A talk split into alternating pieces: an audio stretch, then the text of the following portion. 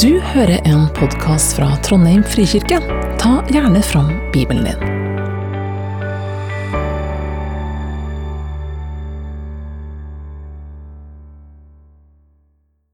minnes at du har sagt, 'Dere skal søke mitt ansikt', og ditt ansikt søker jeg, Herre. Skjul ikke ansiktet for meg. Og Kanskje er det en bønn som du har bedt. Ikke sånn som dette her, men inni det. Herre, vis det. Jeg har lyst til å se det. Jeg har lyst til å erfare at du er her. Dere skal søke mitt ansikt. Men det kan være smertefullt når vi ikke erfarer det. Den andre tanken vi skal ha med oss, er at Gud er nær sitt folk. Og I Bibelen så er det tydeligste eksempelet på det når Gud går foran israelsfolket i ørkenen som en ildsøyle om natten og en eh, sky om dagen. Og så får Moses det påbudet at han skal bygge en bolig, en telthelligdom. Han sier, 'La dem reise en helligdom for meg, så jeg kan bo iblant dem.' Og Gud sier at 'her skal jeg bo, her skal jeg være til stede med mitt nærvær'. Så hører oss hvordan skyen dekker telthelligdommen. Gud flytter inn og er nærværende der. Samtidig som han er nærværende i hele verden.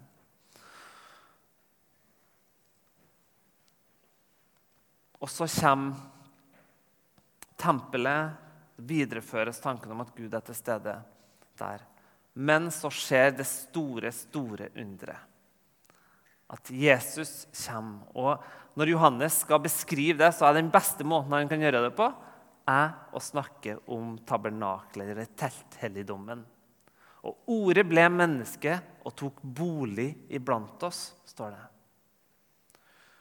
Og en liten julepreken her nå, når det står 'tok bolig', så er det greske ordet 'å slå opp sitt telt'.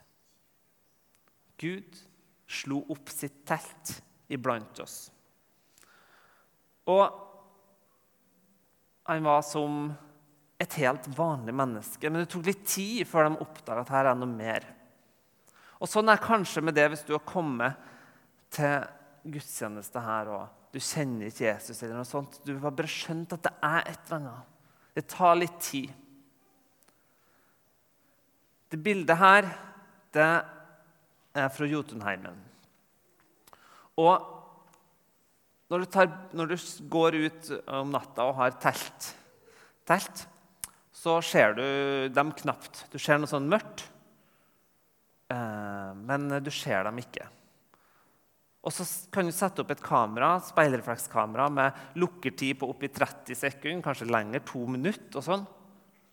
Og så når du da ser på bildet, så viser det seg plutselig at det lyser. Teltet lyser opp. Og sånn er det litt med Jesus. At det trenger litt tid for å oppdage ham. Og så trenger litt tid for å oppdage hvor fantastisk han er, at han er lys og så trenger litt tid å oppdage at han er nær, og at han er til stede. Det tar tid.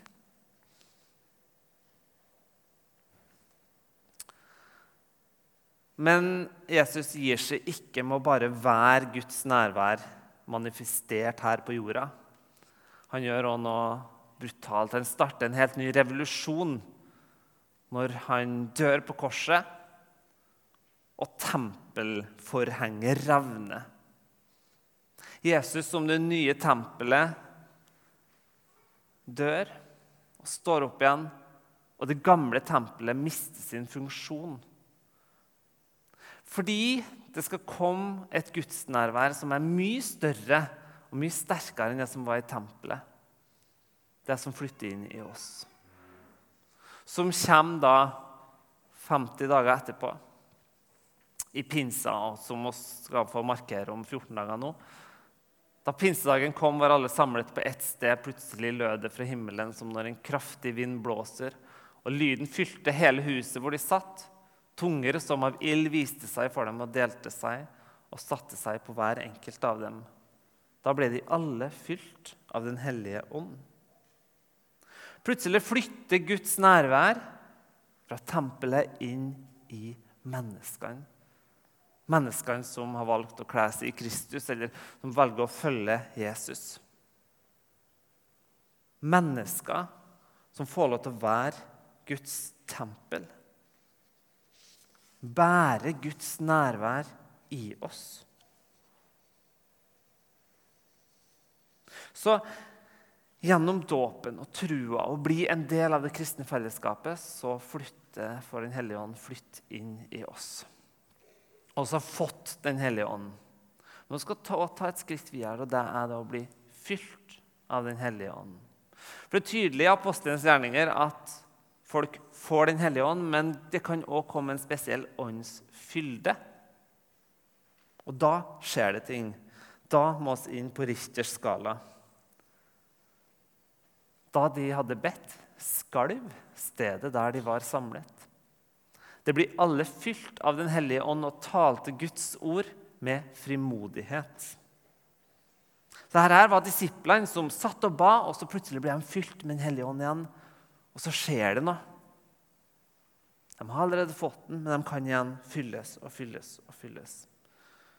Litt sånn som når du fyller en ballong med luft Kanskje noen av dere husker det bildet som ble tatt fram her på scenen for ikke så lenge siden.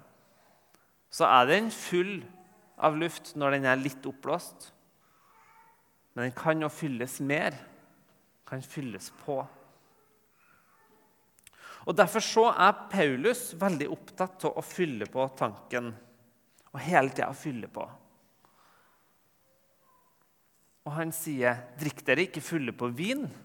Det fører til utskeielser. Bli heller fylt av Ånden. Jeg vet ikke om det er mange av dere som har drukket dere full på vin.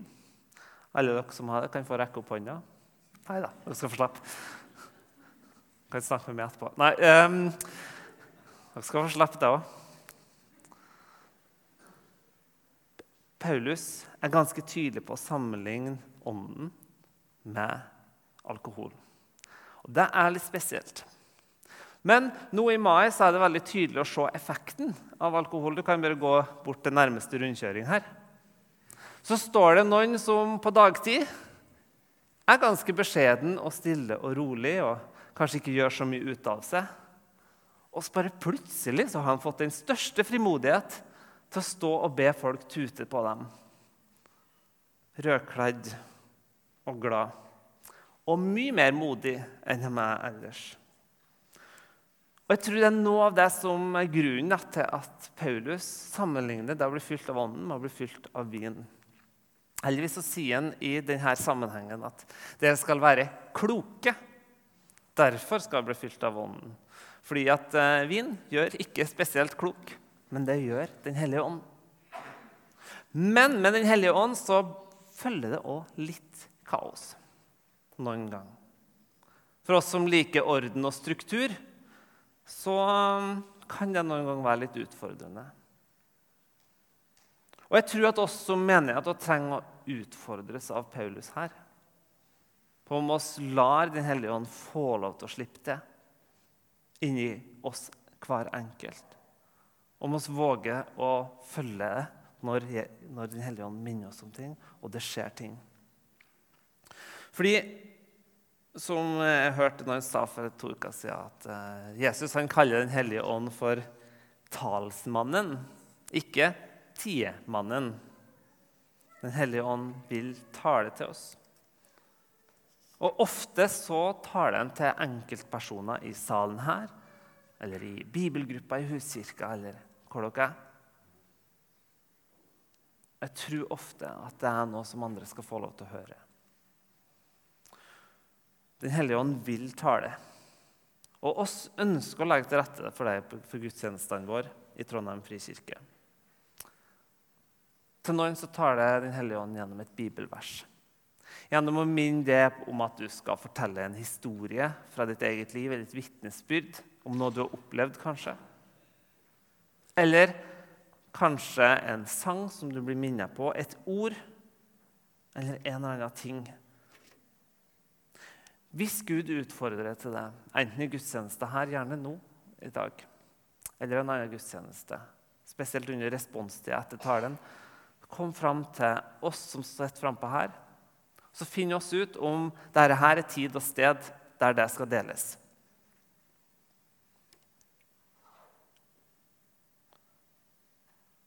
Det siste bibelverset som jeg skal nevne, er fra åpenbaringa. For nå lever vi i tida om en lovnad der Gud, Guds nærvær virkelig skal få gjennomstråle alt. Der det ikke er skjult lenger. I himmelen så står det i Johannes' åpenbaring på nest siste side noe tempel så jeg ikke i byen, det nye Jerusalem. For Herren Gud, den allmektige og lammet, er dens tempel. Og byen trenger ikke lys fra sol eller måne, for Guds herlighet lyser over den, og lammet er dets lys. oss lever i tida mellom himmelrikets inntog i den verden her ved Jesus og den gangen da himmelen skal overlappe alt. Og oss skal få leve i Guds evige nærvær. Fram til da så får, de, får oss de her små glimta, de her små håndtrykka, der vi får erfare at Gud ja, han er faktisk nær, sjøl om vi ikke ser det hele tida. For ehm, Ja. Men så lever oss i livet her og nå. 2000 år etterpå at denne Bibelen er skrevet og hele pakka. Hva med oss nå? Jeg, forrige søndag så har jeg besøk av en ti måneder gammel baby. Og det er sånn, Jeg vet ikke helt hva jeg skal gjøre når det kommer eh, så små unger nærme, men jeg vet én ting som alltid er suksess, og det er å si sånn Borte dit, dit. Suksess. Og jeg føler meg litt sånn eh, level 1 barnetekke. Det er det. Borte til tit. Det, klarer liksom alle. Um, så har gjort det, og, um, men, men, ungen er like begeistra hver gang. Sjøl om jeg føler at jeg har 13 onkelbarn, burde ha vært litt bedre. og hatt noe mer kreativt å finne på. Men nei da. Like suksess. Vare og vare borte til dit. Og like begeistra hver gang over at oi, han dukka opp den gangen her òg. Og så har jeg hørt da, at uh, Grunnen til at uh, unger liker den der greia der borte til tid så mye, er at uh, de har ikke helt den mentale forestillingsevnen til å skjønne at jo da, mamma eller pappa eller onkel eller er der fortsatt. Så når det er borte, så er det faktisk borte. Og så titt, titt. Så var de der. Å, kjempebra, ikke sant? Jeg tror det er noen av oss som kan ha det litt sånn med Gud. Oss tror at han er borte. Og så får oss de her glimtene. Altså, Woho! Gud er likevel. Og så er han borte. Hvor er Gud? Hvor er du, Gud? Og jeg tror at sann åndelig modning handler i veldig stor grad om å modnes fra det stadiet at Gud han er her òg når jeg ikke ser. Gud er til stede her nå når jeg står og vasker opp, like mye som han er til stede på gudstjeneste. Sann åndelig modning handler om å la Gud få lov til å påvirke alle deler av livet at hans nærvær um, Og erfare at hans nærvær er til stede alle deler av livet. Og minne oss sjøl om det.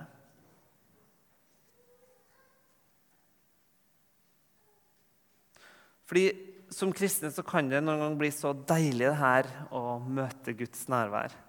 Og det er deilig å skal få lov til å erfare det. Og mange av dere har sterke erfaringer med det.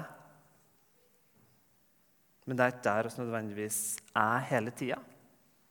Rett og slett.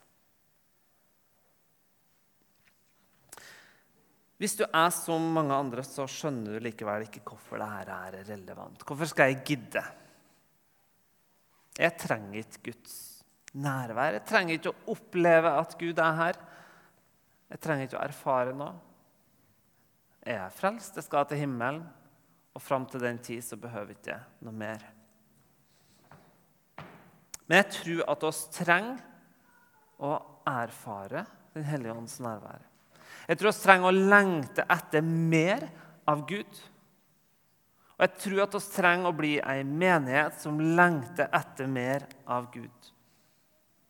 Det skjer noe når folk retter fokuset mot Han og ønsker mer. Det evige liv det starter nå og skal få slippe å være på venterommet i 70 år. Den hellige ånd den kommer med kraft. Kraft til å forvandle liv, kraft til å forandre verden, kraft til å helbrede sykdom, kraft til å sette mennesker fri, til å tilgi synd.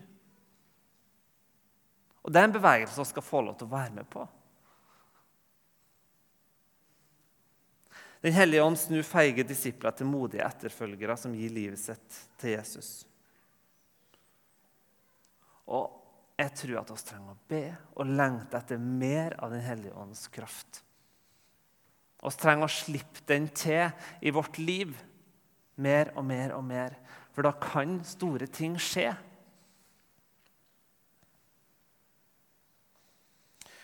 Guds rike er nemlig ikke en popularitetskonkurranse der det er det som er på TNS Gallup, som vil gjøre at, det som, at oss tilpasser oss TNS, TNS Gallup sine meningsmålinger, som gjør at oss vokser som kirke. Det er kun Den hellige ånd og hans kraft som kan gjøre det. Og Da trenger vi mennesker som kommer og sier 'Jesus, her er. Send meg.' Kom, Hellige Ånd, med din kraft, så jeg kan være et vitne for det. Sånn at vi ser at Guds nærvær, Den hellige ånd, det har ikke bare et um, fokus her og nå på det jeg opplever, det jeg erfarer, men det har en utoverdimensjon. Det skal sende mennesker utover. Men kanskje så sitter du mest av alt nå og opplever Guds fravær. Du har lengta nok, du, etter Gud, og det er fullstendig stille.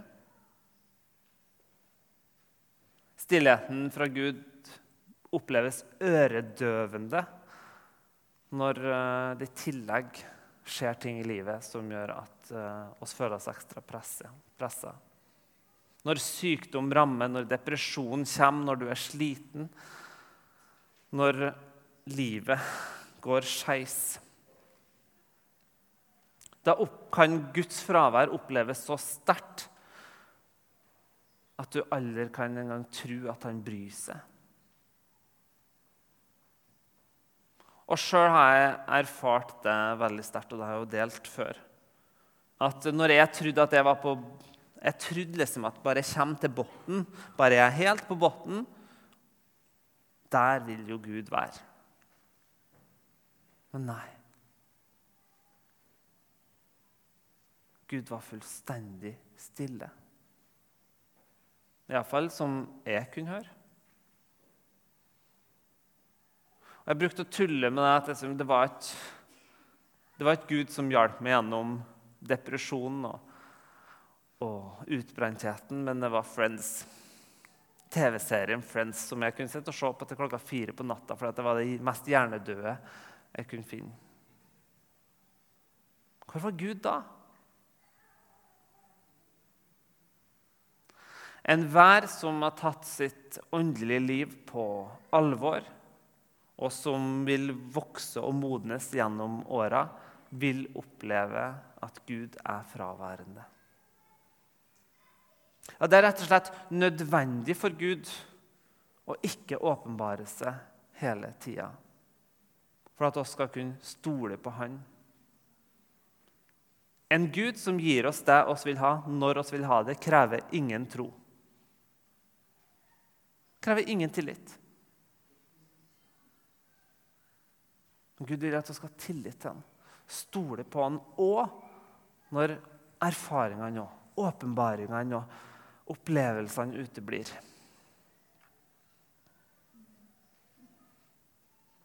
Det første oss lærer i Guds fraværet, er ydmykhet.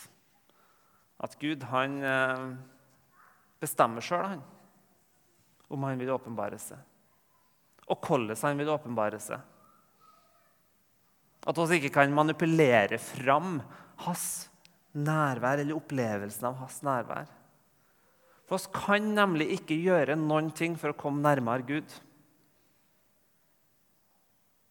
Vi kan ikke gjøre noen ting for å komme nærmere Gud.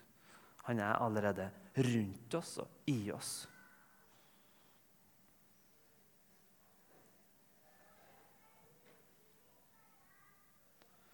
Men sjøl om barnet tror at foreldre er borte når han står borte, dit, dit, så er Gud der. Og Jeg vet ikke om det hjelper til det som nå sitter og tenker at nå, Gud oppleves så fjern, Gud oppleves så fjern. Jeg vet ikke om det hjelper til det å si at det er bare fravær i hermetegn. For det handler ikke om dine opplevelser. Det handler om det som er reelt. Gud er her, han ser det. Med litt tid så kanskje du ser at jo, han var der òg i den tunge tida.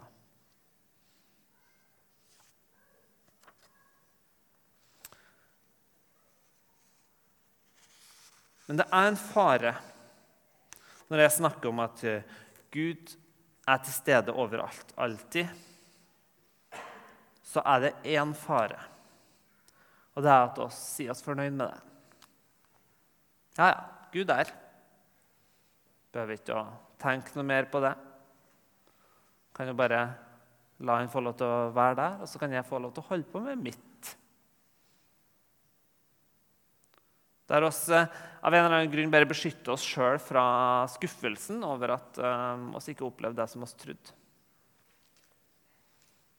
Og det tror jeg er feil måte å tilnærme seg Gud på. For jeg tror at vi har fått en lengsel som kanskje ikke er den sterkeste lengselen i oss, men som er den dypeste lengselen i oss, en mer lengsel etter mer av Gud. Etter å få glimt av hans ansikt. Etter å få bli forma av han og få bli prega av det nærværet.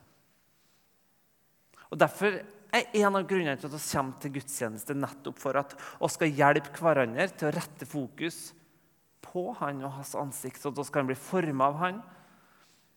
Så vi skal få erfare han og hans kjærlighet til oss.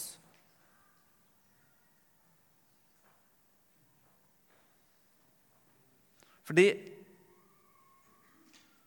ja, Jeg har allerede advart litt mot en sånn opplevelsessentrert måte å nærme seg Gud på. Men det er en fallgruve som iallfall gjelder meg.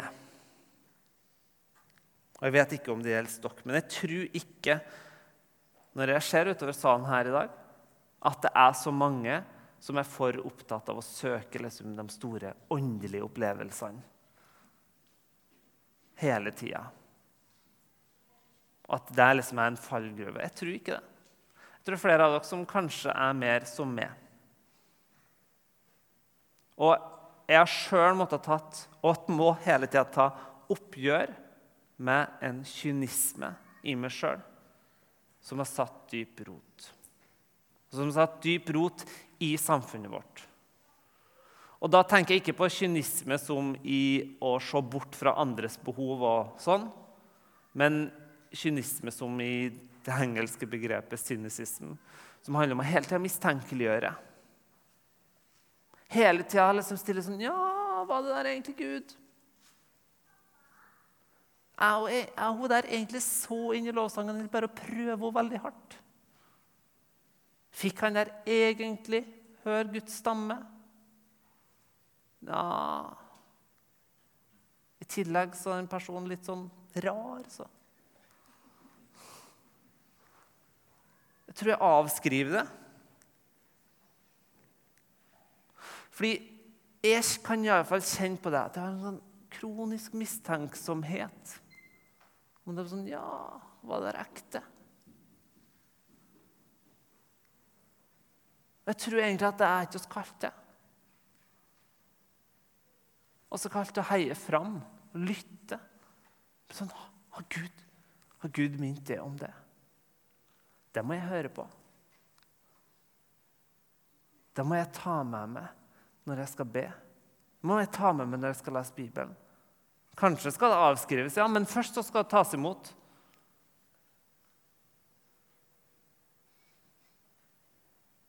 Og det er oss som sliter med den kynisismen, mistenksomheten. Det er oss jeg har mest tanker når jeg har skrevet talen i dag. For vi vet at oss, oss trenger hele den bibelske gjennomgangen, og så trenger oss kritikken av alle andre før vi kan våge å ta til oss noe sjøl.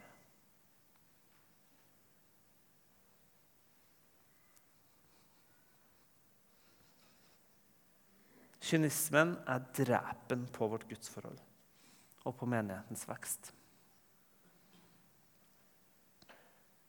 Og det her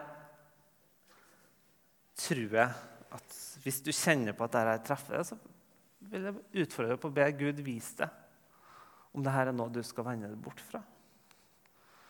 For Jeg kjenner iallfall det banker mitt eget hjerte, for jeg vet sjøl hvor lett det er til å bli kritisk tro at det jeg vet best. Så klart vet jeg ikke jeg best! Hvis jeg leser i Bibelen, skjer jo helt syke ting. Så klart kan han bruke folk rundt meg. Og Det er mange andre grunner til at Gud kan oppleves fjern. Det kan være travelhet, det kan være at oss ikke er til stede. For Gud kan ikke møte oss noen andre plasser enn der oss er. Men veldig ofte så tror jeg det handler om at oss er litt kritiske. Vi vil egentlig ha kontrollen sjøl på hele greia.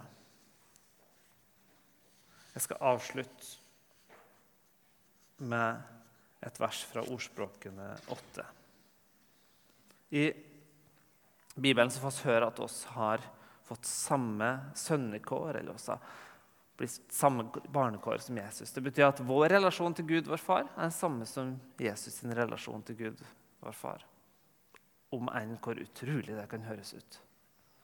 Og En av de vakreste tekstene, syns jeg, er fra Ordspråkene 8. Guds ansikt vendt mot sitt barn, som en far eller mor som sitter på trappa og ser ungen springe i vannkrana på en varm sommerdag.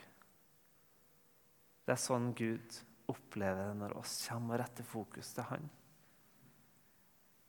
Og Ikke bare når vi kommer og retter fokus Han, men når vi gjør alle andre ting i vår hverdag. Vi trenger å minne oss om at Gud ser oss. At Han er der. Han ønsker å se på oss og bare glede seg over oss. Jeg var til glede for ham dag etter dag og lekte stadig for hans ansikt. Jeg var til glede for ham dag etter dag og lekte stadig for hans ansikt. Du er til glede for Gud dag etter dag, og du skal få lov til å leke stadig for hans ansikt. Amen.